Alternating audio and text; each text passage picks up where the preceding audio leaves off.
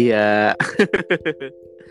Apa yang lo lakuin pertama kali ketika lo sadar lo udah udah bikin salah sama seseorang? Istighfar. Selain itu, istighfar kan lo minta maaf sama Tuhan ya.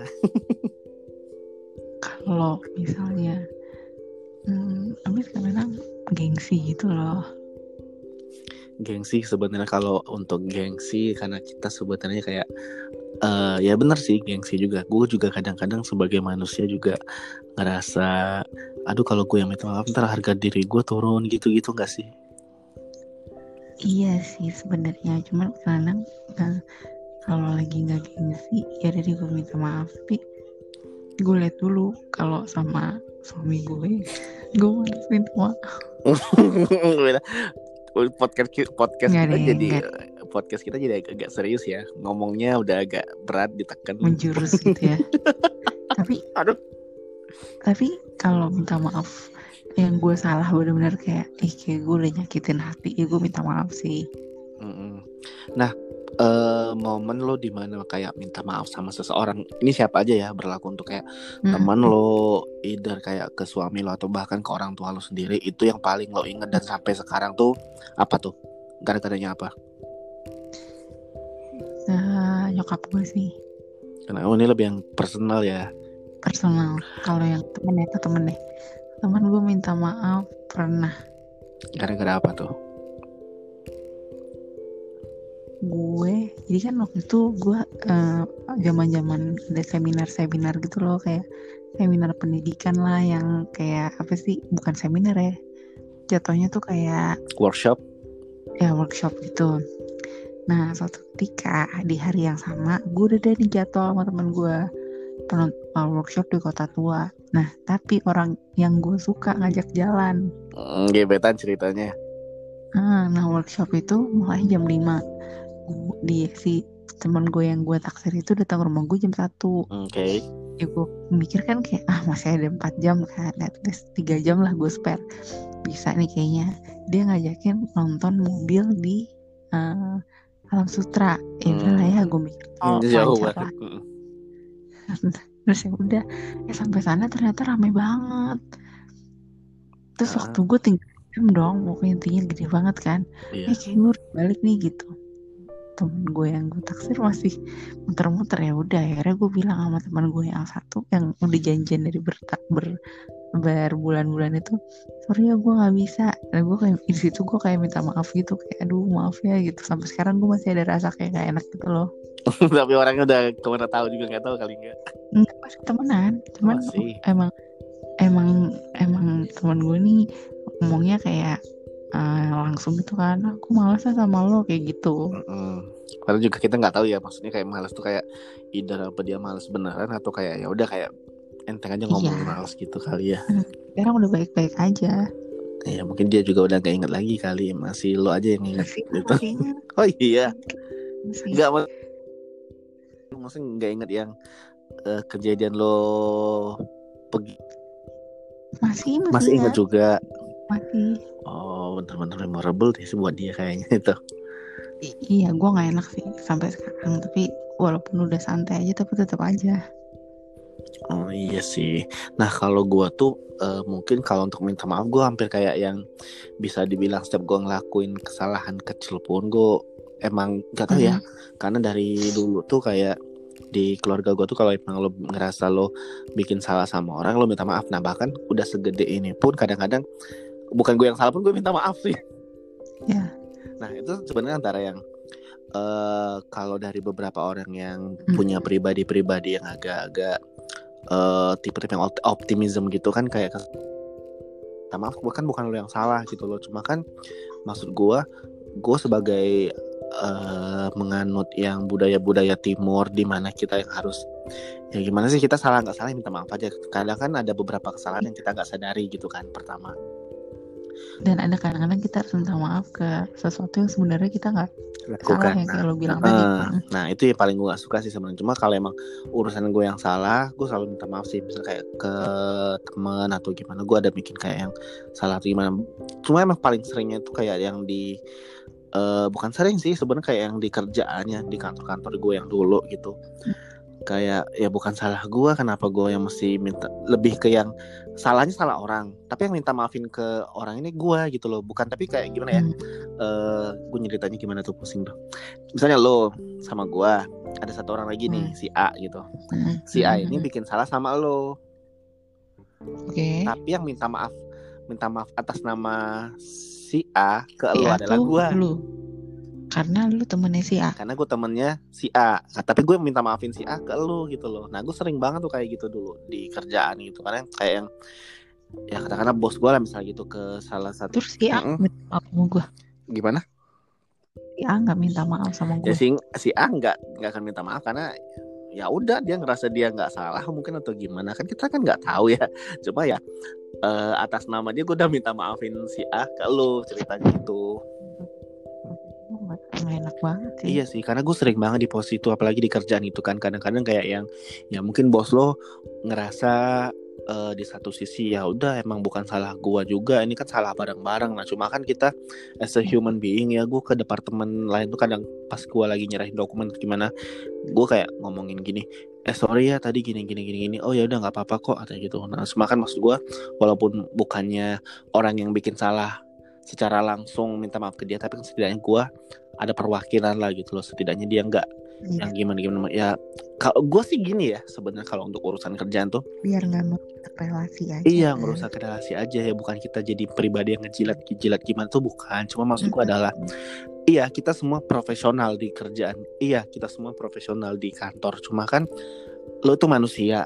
Pastilah ada sedikit ada rasa-rasa sensitif lo sebagai manusia biasa tuh ngerasa di situ. Bukannya pasti ada rasa baper ya. Iya pasti ada rasa baper. Sedikit sekecil apa pun lo pasti ada. Jujur deh gue juga ngerasa kayak gitu sih. Makanya gue bukannya gimana gimana ya. Kadang pun kalau emang udah urusan ya gue profesional profesional profesional kerjaan sih. Kadang kayak mau ngejar seseorang tuh. Hmm. cuma kan di satu sisi kayak kadang misalnya uh, one of my bosses ngomong kayak kejar za kejar ini gini ya gue satu sih kayak yang ya udah orangnya juga ngerjain sih gitu lo biarin aja ntar dia kalau di emang di satu sisi gue juga ngajar cuma nggak yang sampai ayo buruan dong ini gini nah gue nggak yang maksa yes. gitu karena gue tahu ya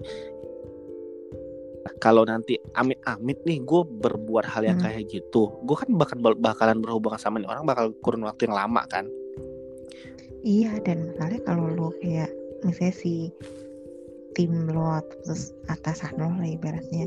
Yang udah nyakit ya bukan nyakitin ya maksudnya bikin baper si orang dari departemen mm -mm. kan pasti hubungan lo otomatis jadi rusak. Iya kan? makanya itu walaupun yang ya kadang-kadang pun dari yang si departemen ini juga ngerasa kayak ya udah gue udah tahu lah watak uh, bos lo gini gini gini. Cuma kan ah, iya. Terdengar terdengar sangat familiar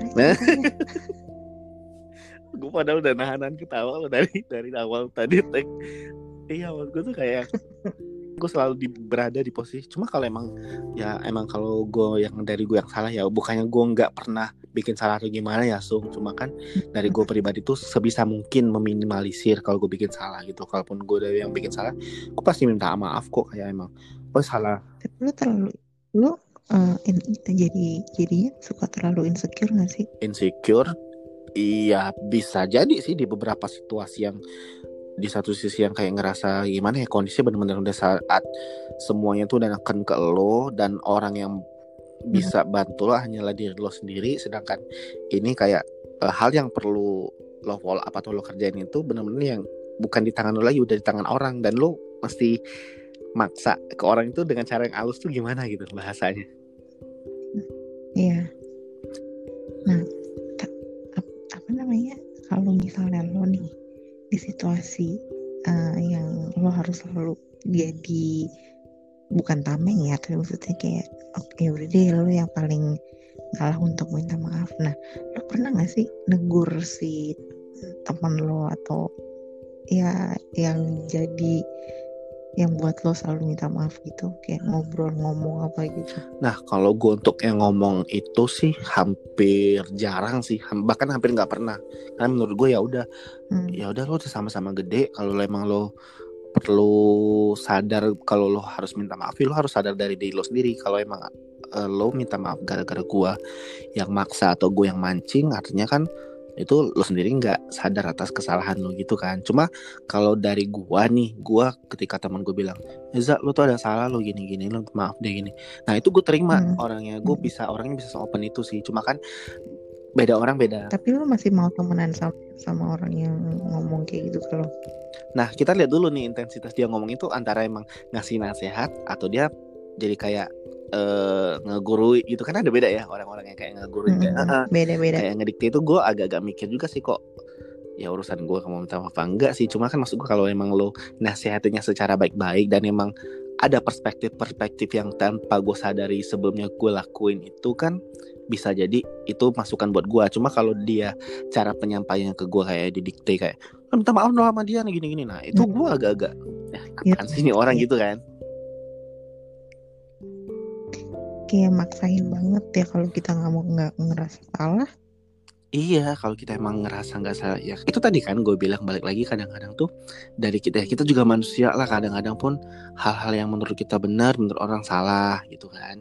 Nah itu di satu fase di mana lo emang butuh masukan dari luar gitu loh kalau emang lo salah ya dikoreksi aja. Uh, gue pernah sih ada di posisi kayak gitu. Uh, urusannya waktu itu kalau nggak salah ya di pertemanan gitu sih di teman-teman gue yang di luar itu sih. Jadi kayak benar-benar misalnya gue ada hmm. salah ngomong apa nih bercandaan gitu kan.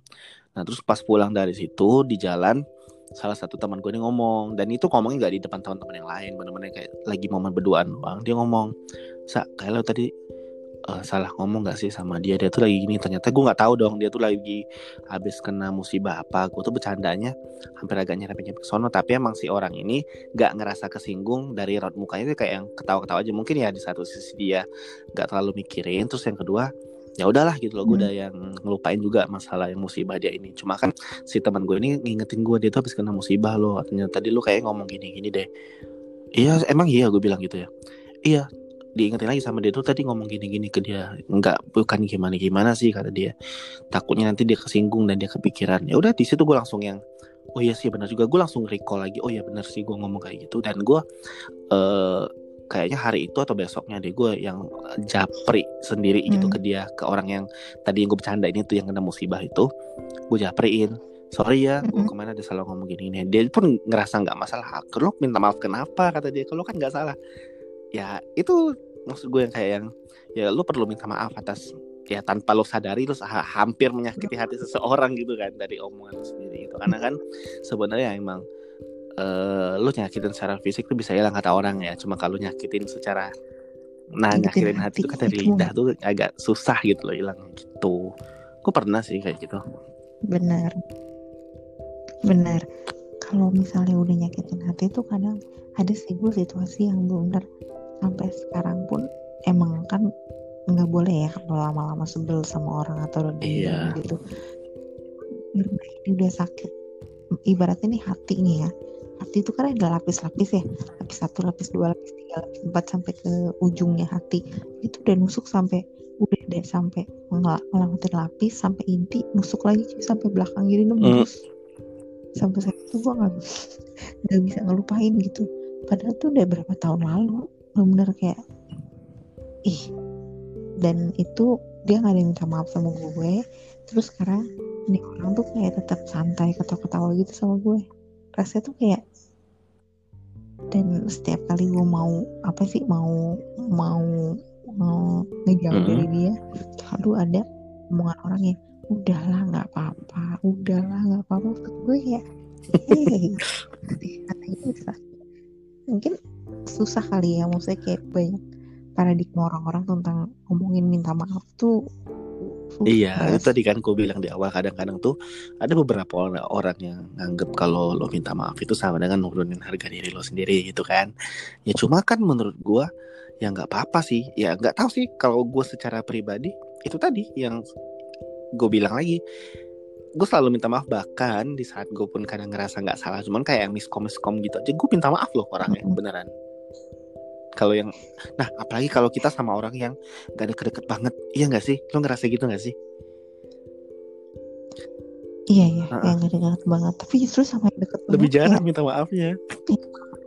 Iya. Kan? Udah deket banget kan? karena kayak udah iya. udah kenal kan kayak ah malu baper mm banget sih lu gitu. Nah gue tuh juga gitu. Jadi kayak benar-benar kalau yang udah dekat banget kayak yang ya bukannya minta maaf gimana kecuali emang salahnya emang fatal banget dan ngerasa gimana gimana ya udah itu mm benar-benar minta maaf. Kadang pun respon dari yang deket banget ini juga kayak apaan sih lu? katanya kayak apa diminta maaf lu kayak pominah lu gitu gitu kan. Cuma kan yang tadi gue bilang lebih seringnya kalau emang lu kayak jarang komunikasi sama orang ini tiba-tiba lu bikin salah. Nah itu gue hukumnya udah wajib banget minta maaf sama dia sama dia maksud gue uh, ada atau nggak ada salah gue ke dia yang ya baik itu kecil ataupun gede salahnya gue tetap minta maaf sama dia. Apa pun itu. Karena kita jarang komunikasi. Jangan hmm. sampai jar udah jarang komunikasi lu bikin salah. Orang tuh kan gini eh, jangan kan orang nih gue gue orang kita jarang ngobrol misalnya gue sama siapa lagi tuh salah uh, seseorang yang jarang jarang mm, sama, sama si B, B. B jarang banget ngobrol sama gue tiba-tiba B bikin salah sama gue nih. Ya gue nggak nuntut dia minta maaf tapi dia secara pribadi pun nggak nyampein maaf dia ke dia walaupun itu sedikit bikin hati gue sakit sedikit ya sedikit aja. Nah gue bakal nginget itu terus sampai komunikasi selanjutnya lagi sebenarnya Ah, itu yang bikin kayak lo nggak mau deket lagi sama si B kan? Maksudnya lo selalu bikin kayak iya kesan gitu gara-gara Tuhan. Karena misalnya kalau kayak si B pernah uh, habis ngomong apa gitu, agak sedikit-sedikit gimana gitu kan ke gue. Ya si B kan posisinya hmm. nggak hmm. akrab-akrab banget. Tiba-tiba ngomong kayak gitu. Iya apaan sih ini orang gitu kan? Ya, Tiba-tiba gitu. dia nggak nggak yang ada minta maaf Tapi... apa ya gue kan bakal selalu nget percakapan terakhir kita dong hmm, kayak kok lo ngomong kayak gitu padahal lo bukan siapa-siapa gue. Eh, Ref, tapi ya sampai umur lo sekarang nih lo pernah gak sih buat, buat orang, orang nangis? sih gua ya gua kan bukan bukan ngerasa sempurna sempurna banget sih. Tapi sih serasa seinget-inget gua sih nggak ada ya nggak ada gue bikin bikin orang nangis. Nggak ada. Sama sekali sama nih kayaknya bahkan ya bahkan lo di hubungan apa hubungan lu sama pacar pun sama mantan mantan sekalipun gak ada lu sampai yang nangis nangis gitu? Gak ada gue kayak sih gak ada sih. Alhamdulillah berarti. Iya karena maksud gue tuh gini. Ya udah kalau emang mau ya itu tadi kan orang tuh kalau nangis tuh pasti yang kesentuh kan pasti hatinya kan. Salah ngomong ngomong apa. Ya nggak sih lu kalau kayak uh, eh, gue nonjok siapa nih? Udah sakitnya hilang hari ini berdarah besok kering gitu kan. Lu kalau udah yang ngatain apa ya dia bakalan ingat terus gitu. Nah itu kadang-kadang yang bikin orang nangis. Tapi sih gue ya gue bukan yang ngerasa bener itu tadi sih gue bilang. Karena si inget gue sih gue nggak ada sampai nangisin anak orang gitu sampai yang hanya kayak apa banget sih nggak pernah sih gue kayak iya. Apa tuh? Gue pernah sih Iya bukan apa ya kayak buat nangis. Kar karena tuh gue tipe orang yang kalau gue udah nggak suka kalau gue udah yang marah banget gue bisa ibaratnya musuh mm. hati lo balik. Dan itu pun emang ya istilahnya ya kayak pepatah bilang kalau nggak ada asap nggak ada api kan. Eh kalau gimana sih? Ya itu kan.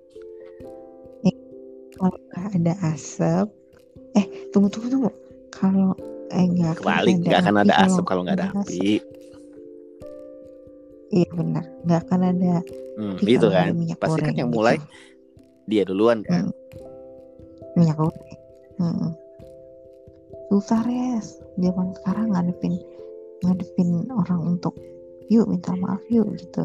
Kan sekarang lagi zamannya yuk cuci tangan yuk tapi untuk minta maaf tuh gengsi iya itu tadi karena emang anggapan lo minta maaf selalu di bawah. Nah ini juga gue pernah dikasih tahu sama perusahaan gue sebelumnya yang kita sekantor itu loh. Nah mungkin ini lo tahu oh, sih orangnya siapa. Orangnya lo pasti tahu banget orangnya siapa. Coba lo ceritain dulu. Pasti gue gua akan mm -mm. gue akan kalau kita nggak usah pernah sebut nama dia. Sosoknya seperti apa lo bahkan udah tahu sih kayaknya. Udah disebut. Jadi gini udah kebayang sama gue sih.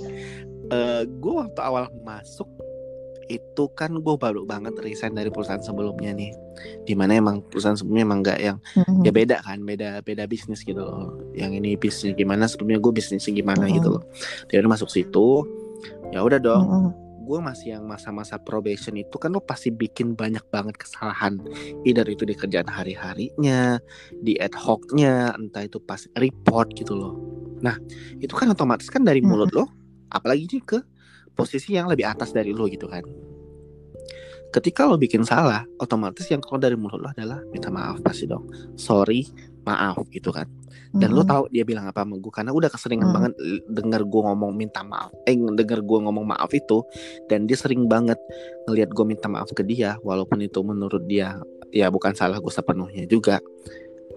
Dia emosi waktu itu. Mm-hmm. emosi bukan gimana sih mungkin ya gue nggak tahu ini ngajarinya baik atau nggak buat gue cuma menurut gue gue agak sedikit bisa agak sedikit nggak terima sih. Menurut gue sih agak kurang logis sih kalau kata gue dia bilang gini sama gue kamu tuh nggak perlu minta maaf untuk hal-hal yang bukan kamu yang bikin salah kata dia. Ngapain kamu minta minta maaf itu? Jangan pernah sekali sekali kamu minta maaf kalau bukan kamu yang salah. Karena kamu nggak tahu ini salah siapa sepenuhnya tapi kamu nggak perlu minta maaf kayak gitu digituin gue sama dia jadi kan bisa tuh hmm. Padahal dia. Iya, cuma kan oh. maksud gue uh, oke okay lah maksud ya bagus sih gini sih gue ada ngeliat dua sisi yang gue dapet dari omongnya itu dari dia ya. Sisi positifnya hmm. adalah gue dibiasain jangan selalu nutupin eh jangan selalu jadi kan. Yang kedua negatifnya lo jadi pribadi yang sombong hmm. ntar. Karena sekali lo bukan salah gue ngapain gue minta maaf? Nah itu kan pasti lu berlaku ke kehidupan kehidupan selanjutnya dong. Ha, dan itu pasti kayak semua orang dan iya, itu gak cuma berlaku ke pribadi juga. tapi ke pribadi dan lu pasti ngerasa ya semua manusia tuh nggak ada pengen ngerasa disalahin ya nggak sih dan semua orang juga nggak mau ada yang ngerasa salah sebenarnya secara manusiawi ya. Makanya gue bilang ya ini positif negatif. Positifnya adalah dia jangan dia nggak mau bikin gue selalu minta maaf atas kesalahan orang lain. Ya negatifnya itu tadi gue bilang gue jadi pribadi nanti bakalan jadi orang yang bakal bener yang apa sih arogan kan kalau lu nggak pernah minta maaf kayak gitu. Iya sebenarnya uh, kata-kata itu udah merefleks dari orang yang ngomong iya, sama Iya sebenarnya udah reflection dari dia sendiri orangnya itu ya. Dari dia sendiri dan lo hampir uh, menerima undangan untuk menjadi seperti hmm, dia makanya. dan ya gue uh, pada saat terima statement dia yang kayak gitu gue langsung mikir ah gue salah apa? Minta maaf doang gue kok. Jadi kayak yang i, jadi kesannya gue yang jadi kesannya lu punya punya uh, uh, padahal juga gitu ya, ya? gue ya just saying sorry aja udah. Ya udah sorry. It's my mistake gitu kan. Ya kayak hmm. sorry gitu. Sorry tadi salah iya nggak yang sampai yang sorry tapi gue sorry nangis nangis. Tuh enggak beneran yang cuma dan dan juga iya. bolak baliknya maaf ya maaf. Orang juga ya. maaf bolak balik juga itu cuma ngomong kayak gitu dong hmm. iya kayak minta diajarin apa tapi belet banget gitu. Iya ya, kalau itu kan ya. beda lain ceritanya ya. Maksud gue kayak kalau nah kalau kayak minta ajarin minta ajarin itu gue minta maaf sebelumnya di awal biasanya tuh. Misalnya sorry ya gue agak on nih. Sorry ya gue agak lemot. Nah gue udah minta maaf di awal jadi dia biar biar dia bisa maklumin kondisi gue pada saat dia ngajarin gue biasa kayak gitu. Gue Iya, oh ya udah emang dia udah mengakui ya. di awal kan. Jadi ya udah menurut dia ya udah emang orangnya udah minta maaf gue di awal gitu kan. Cuma kan uh, secara apa sincerely lo minta maaf itu kan emang pure salah dari lo gitu loh. Itu tadi sih jeleknya gue tuh kadang-kadang selalu ya bukan jadi tameng. Cuma kan maksud gue ada yang ya kita nggak tahu loh isi hati seseorang tuh yang dibik apa? Uh, yang isi hati seseorang yang dibikinin salah ini gimana? Dia dalam mood yang bagaimana? Kita tuh nggak pernah tahu gitu loh. Makanya gue kayak sering banget. Orang-orang kayak gitu bisa sadar kalau dia tuh salah sebenarnya. Iya. Nggak akan bisa sadar juga sih orang-orang kayak gitu. Harus ada sesuatu dari dirinya sendiri yang merasa. Ini juga oh ya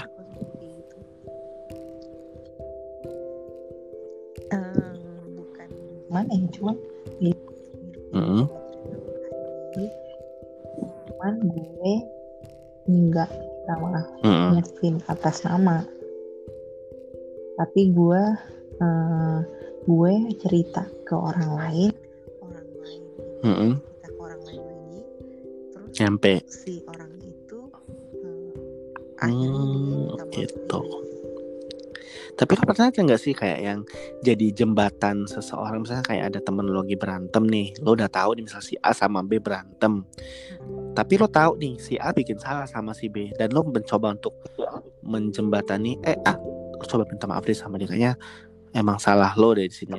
Ya kita uh, singkirin dulu sisi siapa yang salah siapa yang benar ya. Cuma maksud gue pernah nggak lo di posisi yang benar jadi jembatan buat teman-teman lo kayak gitu pernah.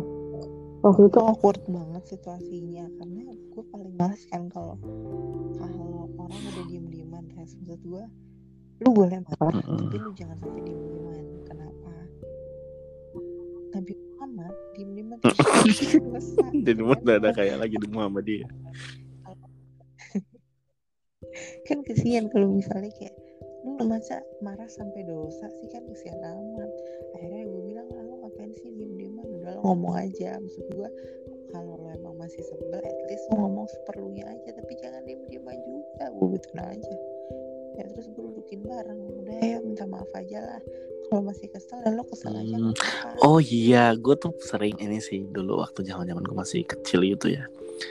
Sampai SMP SMP SMA SMP ya SMP SMA sih. Tapi nggak di SMP deh kayaknya benar-benar. SMP tuh masih kecil nggak sih hitungannya udah remaja. gue tuh kan sering banget. Oh iya nah gue tuh kan sering banget. Dulu kan uh, karena kan circle pertama lo pasti keluarga lo sendiri kan kalau masih masih zaman masih kecil dulu. Gue tuh sering lah sama sepupu gue yang karena kan di keluarga gue dari uh, nyokap itu kan banyak kan cewek ya. Jadi yang cowoknya dikit banget gitu loh. Jadi uh. komennya sama yang ya udah mainnya sama itu itu aja gitu loh. Nah pernah lah ada beberapa kali waktu misalnya sepupu gue yang cowok-cowok ini ada lima orang nih. Lima limanya itu dapat giliran musuhan sama gue pernah. Iya. Ngapain dah maksud nah, jadi cerita itu kadang-kadang ya kayak lo rebutan ya kayak rebutan main PS atau dia minjem ini ya pasal paling nggak masuk akal kalau kata gue dia minjem kaset PS gue balikinnya rusak ceritanya hmm. balikin gue tuh udah lama bang udah berbulan-bulan tuh boleh dibalikin tapi pas dibalikin rusak nah hmm. gue tuh kan ngerasanya waktu itu ya ini kan punya gua ya walaupun lo saudara gua sekalipun mau itu sepupu mau keluarga tetap aja kan lo nggak bertanggung jawab menurut gua pada saat itu kan. Gua diemin bener-bener yang uh -uh, bener-bener yang gua mus ya apa sih dulu anak musuhan dulu kan nggak yang ya gua nggak mungkin nampol keluarga gua sendiri kan ntar ribut lagi kan saudara emak gua gitu loh. Jadi bener-bener gua benar-benar bisa uh, diem-dieman sampai setahun full serius. Jadi kayak iya itu pasal iya pasalnya pasal KPS doang misalnya itu jadi kayak beneran uh, eh, gue marah sama dia nih uh, bulan puasa. Itu sampai ketemu bulan puasa tahun depan itu baru bisa gue bayar sama dia. Untuk jam untuk ukuran zaman dulu ya kaset PS gue bukan masalah iya satu oke okay lah mahal ya maksudnya bukan iya berharga ya, karena kan berharga. hiburan gue dulu apa? Gue kan nggak boleh keluar rumah dulu. Iya. jadi kan hiburan gue cuma itu doang. Ya pokoknya dulu pas pas, pas kita kecil paling berharga ya, sedangkan gue tuh kan ada nah gue punya lagi nih sepupu yang dari bokap. Itu tandeman gue main PS tapi gue main PS pasti gue aja ke rumah. Pertama. Hmm. eh res itu kan lo ada lima. Satu gara-gara kaset PS kedua kedua gara-gara menjatuhin handphone gue nggak rusak jatuh aja gue nggak seneng aja gitu. Iya handphone gue Nokia waktu itu. Jadi nah gue tuh kan gue tuh kan dulu hobi banget nih ceritanya gonta ganti handphone. Pokoknya tiap uh, setahun tuh bisa empat kali gue ganti handphone dulu dah. Ini. Itu yang dijatuhin. Gue lupa sih kayaknya apa? waktu zaman zaman gue masih pakai tiga enam enam puluh atau enam ribu enam ratus deh pokoknya jadi kan biasa lah zaman dulu kan lo pinjam pinjam handphone Iya nggak sih? Kayak nggak ada privasi gitu kan zaman zaman dulu tuh kayak benar-benar lo udah pinjam pinjam handphone aja gitu. Tiba-tiba deh gimana? nggak rusak. Cuma gue nggak suka aja. Gue tuh selalu punya barang gue tuh pasti gue jaga so sebenarnya. Jadi kayak dari awal gue beli bahkan sampai gue jual jual lagi pun. Mm -mm. Itu nggak pernah jatuh. Ya nggak pernah jatuh bener-bener gue jaga handphone gue dari zaman dulu banget. Gue punya barang tuh pasti gue jaga kan. Tiba-tiba dia minjem emang dasar lagi sial di dia kan lagi dia minjem gue bilang balikin dulu sini. Ntar lu gue mau minjem kata gini-gini. Tas jatuh. Dan itu kayak ngegeser berapa satu meter kali ada. Iya. sumpah. Ah, ya, handphone Nokia bandel sebenarnya kan. Cuma kan kayak handphone gue jatuh gue bilang handphone gue udah gak perawan lagi. Gue bilang pada saat itu kan gitu. Handphone gue langsung gue ambil hmm. gue langsung gak langsung gak gue liat lagi gak gue toleh lagi muka dia. Dan per detik itu gue langsung musuhan sama dia. Iya diam-diaman. Kan karena kan gue tuh pasti ya gue gak tau ya kata dulu kalau kata nenek apa ya kata nenek gue mah gue tuh ada cam kalau udah deket sama orang tuh kayak ikrip banget gitu nggak sih? Jadi orang tuh ngeliat kalau udah ikrip banget gitu kan. Oh, tiba-tiba kayak diem-dieman tuh orang tuh kan pada ngeh ya termasuklah bapaknya dia yang mana adalah om gua. Ya enggak karena biasanya kayak ke mana-mana pasti manggil pasti main bareng gitu. Tiba-tiba kayak nggak pernah lagi ke rumah. Pokoknya udah bener-bener bener-bener obvious banget sih. Si saudara. si saudara lo yang yang nah dia tuh ngerasanya nah dia juga ngerasa salah. Dia udah tahu gue nggak suka kalau barang gue dirusakin kayak gitu kan. Sebenarnya nggak rusak juga handphone gue pada saat itu. Nah dia tuh ngerasa sebenarnya kayak ya udah gue minta maaf. Ya dia minta maaf cuma gue kan pada saat ya lu pada saat masih anak-anak itu menurut gue permintaan maaf tuh nggak ada harganya menurut gue ya pada saat itu. Jadi tetap aja gue gue gak mau gue bilang biarin gak akan gue tegur lu lagi. Gue gituin dulu beneran deh ya terus dia kayak nah terus dia sampai ya om gue kan kayak ya udah biasa namanya namanya anak-anak kan gitu. Jadi kayak beberapa momen tuh disatuin lah sama dia disatuin satu. Akhirnya gue kayak yang ya udah sih lama-lama gue juga gimana ya gak ngerasa ada ngeganjel ya. Teman ikrip gue kan dikit di keluarga ini gue bilang kalau gue mau sama dia siapa lagi ntar temen gue gue bilang gitu ya. Ya udah bayan bayannya nggak yang benar-benar eh gue minta maaf ya enggak ya udah gue tegur aja dia. Tegur udah balik lagi kayak biasa Anjir. Murah banget ya. Iya, gue bisa. Nah, itulah gue bilang itulah salah satu uh, penyakit hati yang nggak bisa hilang dari gue sih sampai hari ini gitu. Agak dendeman sih orangnya ya. iya tapi... tapi sekarang enggak kok sekarang masa jatuhin handphone doang kayak gitu enggak sih kalau sekarang mah bener-bener yang ya udah kalau emang bener-bener eh, yang udah nyakitin hati banget sih iya, handphone lo jatuh handphone handphone lu mm. yang tipe lu jatuh ih gue ngamuk. Eh lu tahu gak iya dulu, dulu kan beda ya maksud gue dia bisa ganti itu cuma kan gue nggak suka aja dulu hmm. kayak lo tuh udah gue bilang jangan minjem lagi. Gue bilang udah mau gue ambil emang tas yang bandel lu sampai jatuh kan.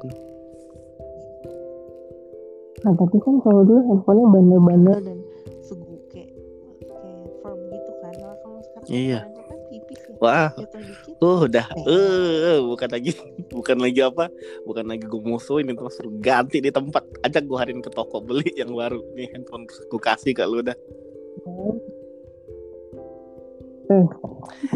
Nah, yang ketiga, yang keempat, kelima nih macam-macam sih. Nah, tapi yang kedua ini emang cuma gara-gara kayak yang gue ngajak main, nggak mau apa gimana? Cuma yang satu ini, yang kelima nih misalnya, yang kelima tuh gara-garanya main sepeda. Jadi kan dulu uh, yang punya sepeda tuh uh, mbak gue sama gue nih beda kan. Dulu tuh gue tuh punyanya skuter sebenarnya. Cuma gak gara mbak gue punya sepeda gue nabung nih ya biar karena kan gue dulu juara ranking lo ya. Jadi dapat hadiah tuh dan dibeli sepeda nanti kalau ranking sian dibeli sepeda dibeliin lah gue sepeda kan sepedanya itu emang oh. sebenarnya gue pada saat itu belum bisa naik sepeda yang roda dua sebenarnya jadi uh, masih ada roda tambahan tapi tambahan gitu. yang udah agak gede tuh sebenarnya karena roda tuh bisa dilepas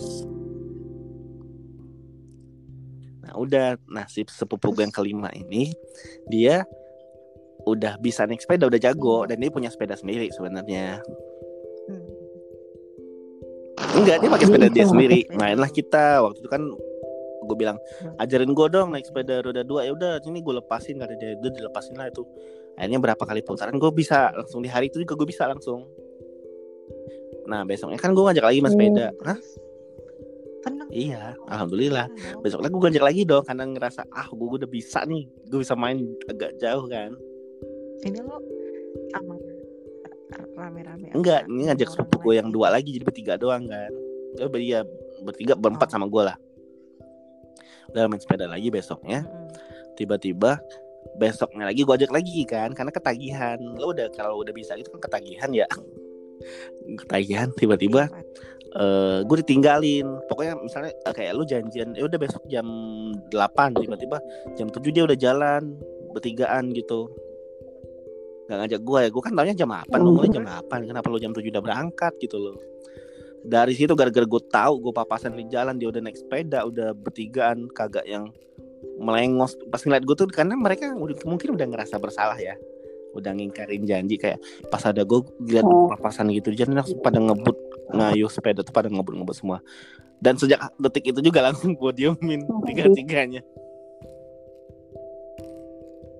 maksud gue kayak enggak ini kan apa ya tadi gue bilang mungkin dia udah ngerasa dia bersalah kan jadi kayak gue langsung dikayuh aja tuh kenceng kenceng sama dia. Res, lo tapi di antara lima orang ini umur lo sama semua beda beda sih. cuma emang uh, eh, gue tuh paling muda nomor dua di situ. Ada lagi yang di bawah gue setahun. Jadi ada yang di atas gue hmm. ya urut urutannya sih beda setahun beda setahun beda setahun gitu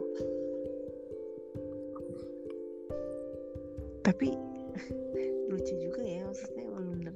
Terus lo tuh uh, intensitas ketemu mereka berapa dulu oh dulu itu hampir karena kan rumahnya ada yang agak jauh dari tempat gua ada yang masih di satu wilayah gitu kan. Kalau saya satu wilayah itu kan biasanya entah dia yang nyamperin atau yang nyamperin. Nah itu tuh ada dua orang tiga orangnya lagi nih rumahnya agak jauh gitu kan. Kalau intensitas sebulan tuh pasti ada ketemu pasti ada ketemu sering banget. Makanya gue bilang dulu kalau jalan-jalan yang sama yang ikrip banget sama satu wah itu udah ketara banget kalau musuhannya. Res, berarti lu mirip-mirip kayak reply nanti bedanya nih nggak ada cewek doang sih.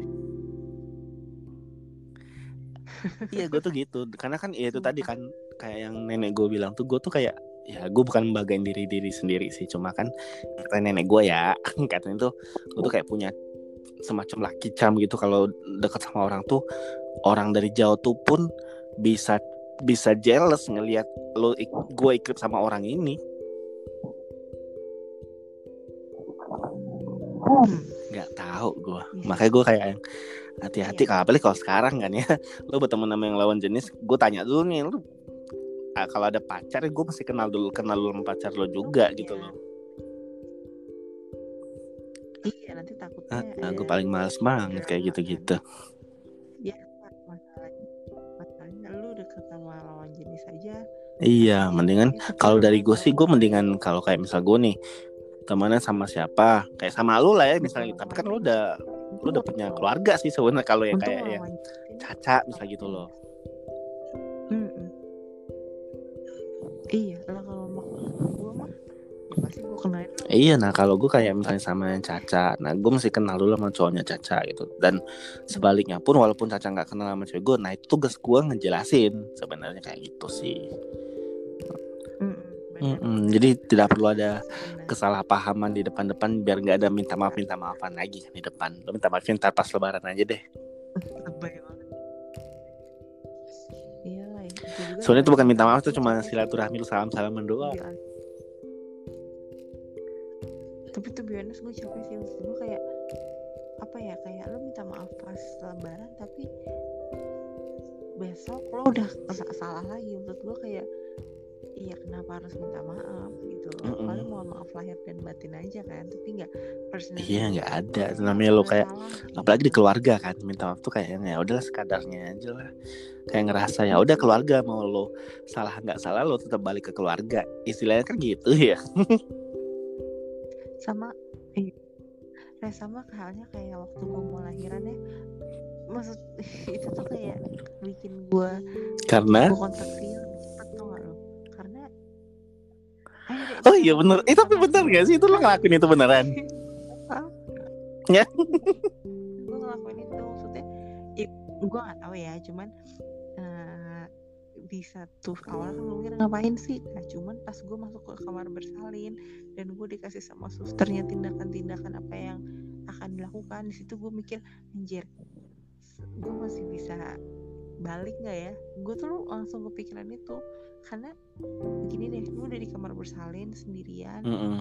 keluarga lo kan semua di luar tuh. Gue pikir keluarga nemenin gue kan sama sekali gue sendirian res sendirian mules-mules ya sambil main handphone dikasih gambar-gambar petunjuk gitu loh kayak uh. ini ya nanti ibu prosedurnya gini. Mau ditandatangani. Mm -hmm. tanda tangan enggak bu? Ibu harus baca dulu. Jadi ibu tahu ibu diapain maksud gue kadang-kadang emang nggak bisa suami saya aja yang baca. Iya mm -hmm. suami ibu juga tapi ibu juga harus baca.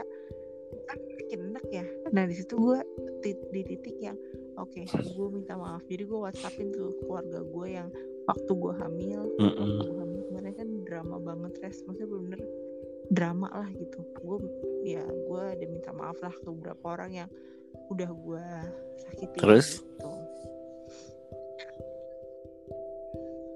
ya ya udah gue kayak di titik itu gue di titik itu gue kayak ya, gue untuk ah ya benar. tapi kalau kayak mbak gue dulu waktu ngelahirin dia juga yang meminta maaf sama siapa ya? Sama orang tua paling kan. Normal tuh dua-dua dua-duanya. Kalau normal lebih lebih lebih ini res. Apa? Nggak tahu sih kalau kata keluarga gue kalau normal tuh semua dosa lo dan semua uh, kesalahan lo itu dibayarkan pas sakit dan perihnya itu gue nggak tahu ya tapi mm. ini tapi emang makanya itu tadi kan dibilang aja.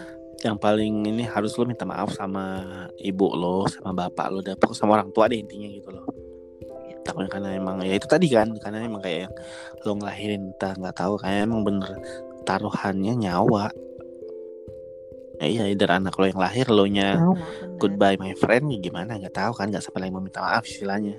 Amit amit sih.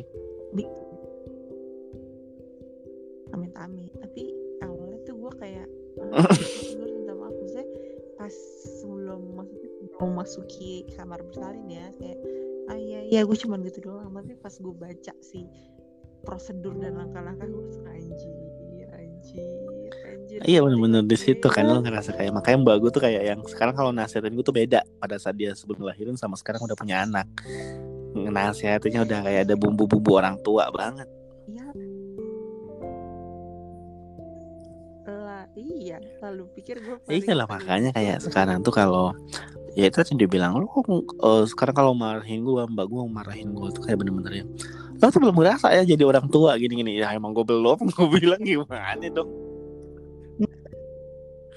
iya cuma kan itu tadi sih kan emang ya perminta maaf yang paling sincere itu emang gak akan pernah tapi uh, lo ngerasa nggak sih sepanjang hidup lo tuh kayak yang bukan lo yang minta maaf ya teman lo nih atau siapa pun yang berbuat salah sama lo minta maaf secara sincere dari hati banget tapi sekarang tuh lo udah lupa karena emang lo udah ikhlas gitu loh ngerasa gitu gak sih lo?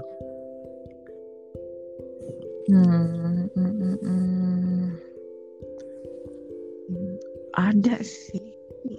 Hmm, nah kalau gue tuh paling kalau orang yang minta maaf sama gue tuh gue nggak mencoba untuk inget-inget lagi kan karena itu tadi dibilangin takutnya nanti di waktu-waktu ke depan lo mungkin-mungkin lagi kan eh lu kan lu minta maaf sama gue gini gini gak enak lagi dong.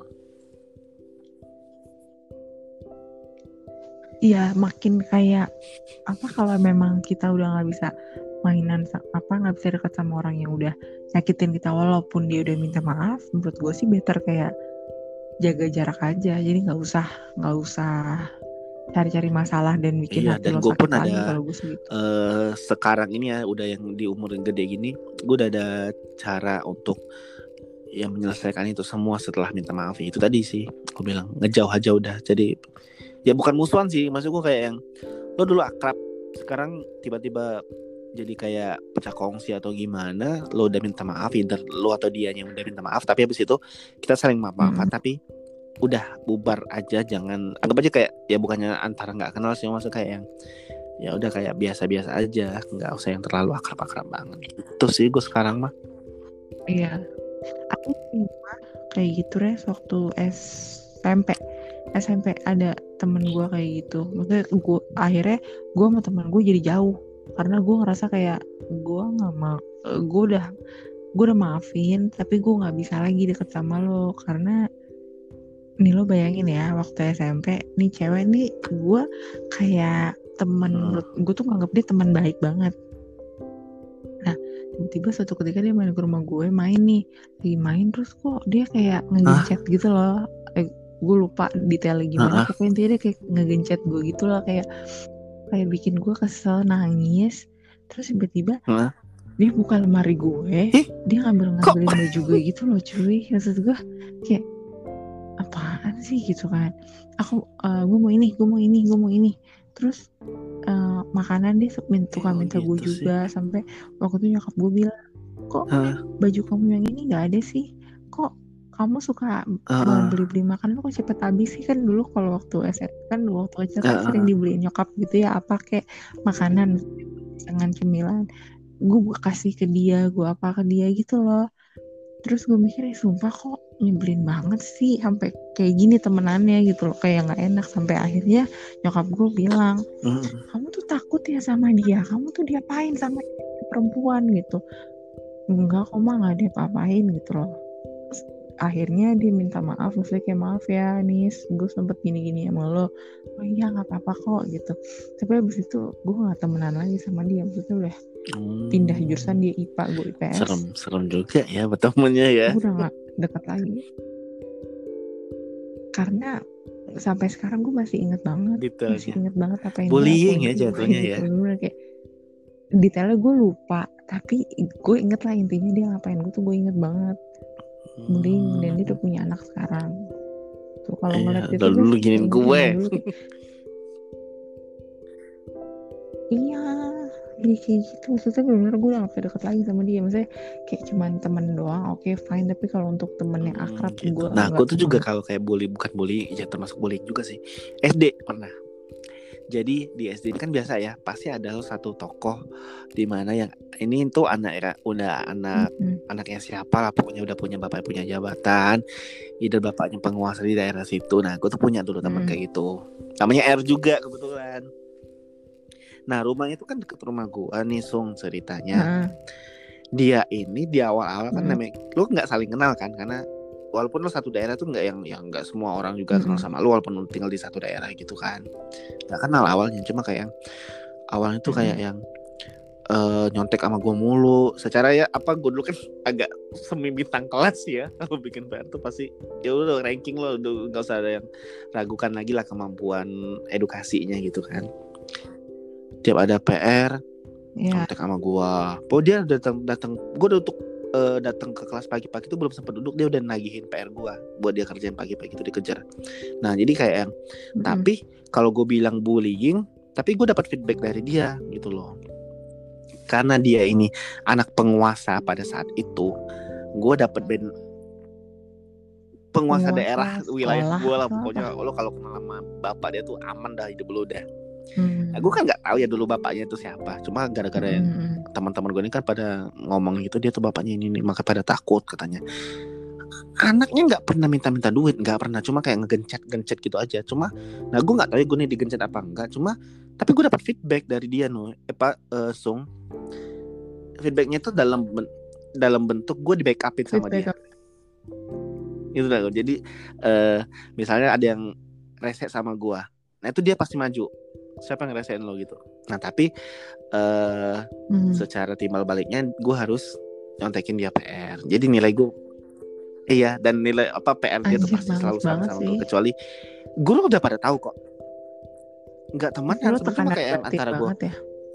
bilang takut nggak takut tapi gue tegur-teguran gitu loh. Cuma ada rasa segen aja sih sebenarnya pada saat itu kan tapi gue dapat feedback itu makanya gue bilang mm-hmm. ini dibilang bullying tapi gue ada ada dapat timbal baliknya juga dari dia. Cuma kalau dibilang dapat keuntungan lah kok PR gue dicontek mulu lama dia. Guru tuh udah pada tahu kok. Guru satu SD itu udah pada tahu kelakuannya dia sama gue itu ada apa. Sampai gue tuh pernah dipanggil guru kayak yang e, kenapa sih kamu tuh selalu ngasih dia PR gini ini ini kan ketahuan ketahuan, ketahuan dan itu tetap gue terusin sebenarnya. Gue nggak ada pilihan lain dong. Di sesi kayak wah gue bilang gue kalau nggak nyontekin lagi sama dia nah dia tuh juga gitu. Kalau bisa gue nggak sak gue akhirnya stop, stop. tapi dia pindah ke anak lain. Dia pindah ke anak lain nah ternyata anak lain ini ya hasilnya menurut dia nggak memuaskan noy. Tiba-tiba lo tau nggak apa yang terjadi? Di kelas berapa itu orang tuanya datang ke rumah gue orang tuanya dua-duanya. Dan gue bener-bener ngeliat Iya dan gue bener-bener langsung ngeliat dengan mata kepala gue sendiri bapaknya yang gimana. Wah gila, gue bilang. Gue gemeteran ngeliat bapaknya asli loh. Nah itu mamanya ngomong, dia sama dia kok datangnya dia sampai ngomong, e, kita minta tolong ya sama Ray. Itu hmm. juga ada nyokap gue waktu itu di situ. Dia ngomong baik-baik kok, nggak yang datang as a preman itu enggak sih. Dia bertamu, cuma kayak ada maksud kayak emang ya minta hmm. tolong sama nyokap gue, minta dimaklumin anaknya Nah, tapi semenjak itu dia nggak mau lagi nyontek PR sama gue, tapi tetap nyontek PR-nya di rumah, bukan di sekolah lagi. Jadi tiap malam dia bakalan orang apa pembantu dia nih. Cerita pas pembantu dia sih, pembantu dia yang nitipin uh, ngambilin jemput buku PR gua, diantar ke rumah dia nanti besok pagi sebelum gue berangkat sekolah buku PR itu udah ada di gua lagi sama pembantunya lagi. Anak raja, sung ceritanya. Gue pernah posisi itu. Ya ampun, iseng Iya dan ya itu gila. Selama SD itu dong. berlangsung berapa lama, Res? Selama SD wah, kan kan wow. satu SD dan gue tuh satu SMP lagi loh sama dia tapi beda kelas kan. Gue satu SMP lagi sama dia tapi ya memang udah beda kelas jadi kayak yang ngerasa ya udah udah jauh kan jadi udah bisa jauh gitu ya. pas ya ada momen di mana kayak lebaran gue udah agak gede sih waktu itu udah mau SMA deh kayaknya Nah itu dia lebaran ke rumah mm -hmm. gua sama keluarga dia juga. Mm -hmm.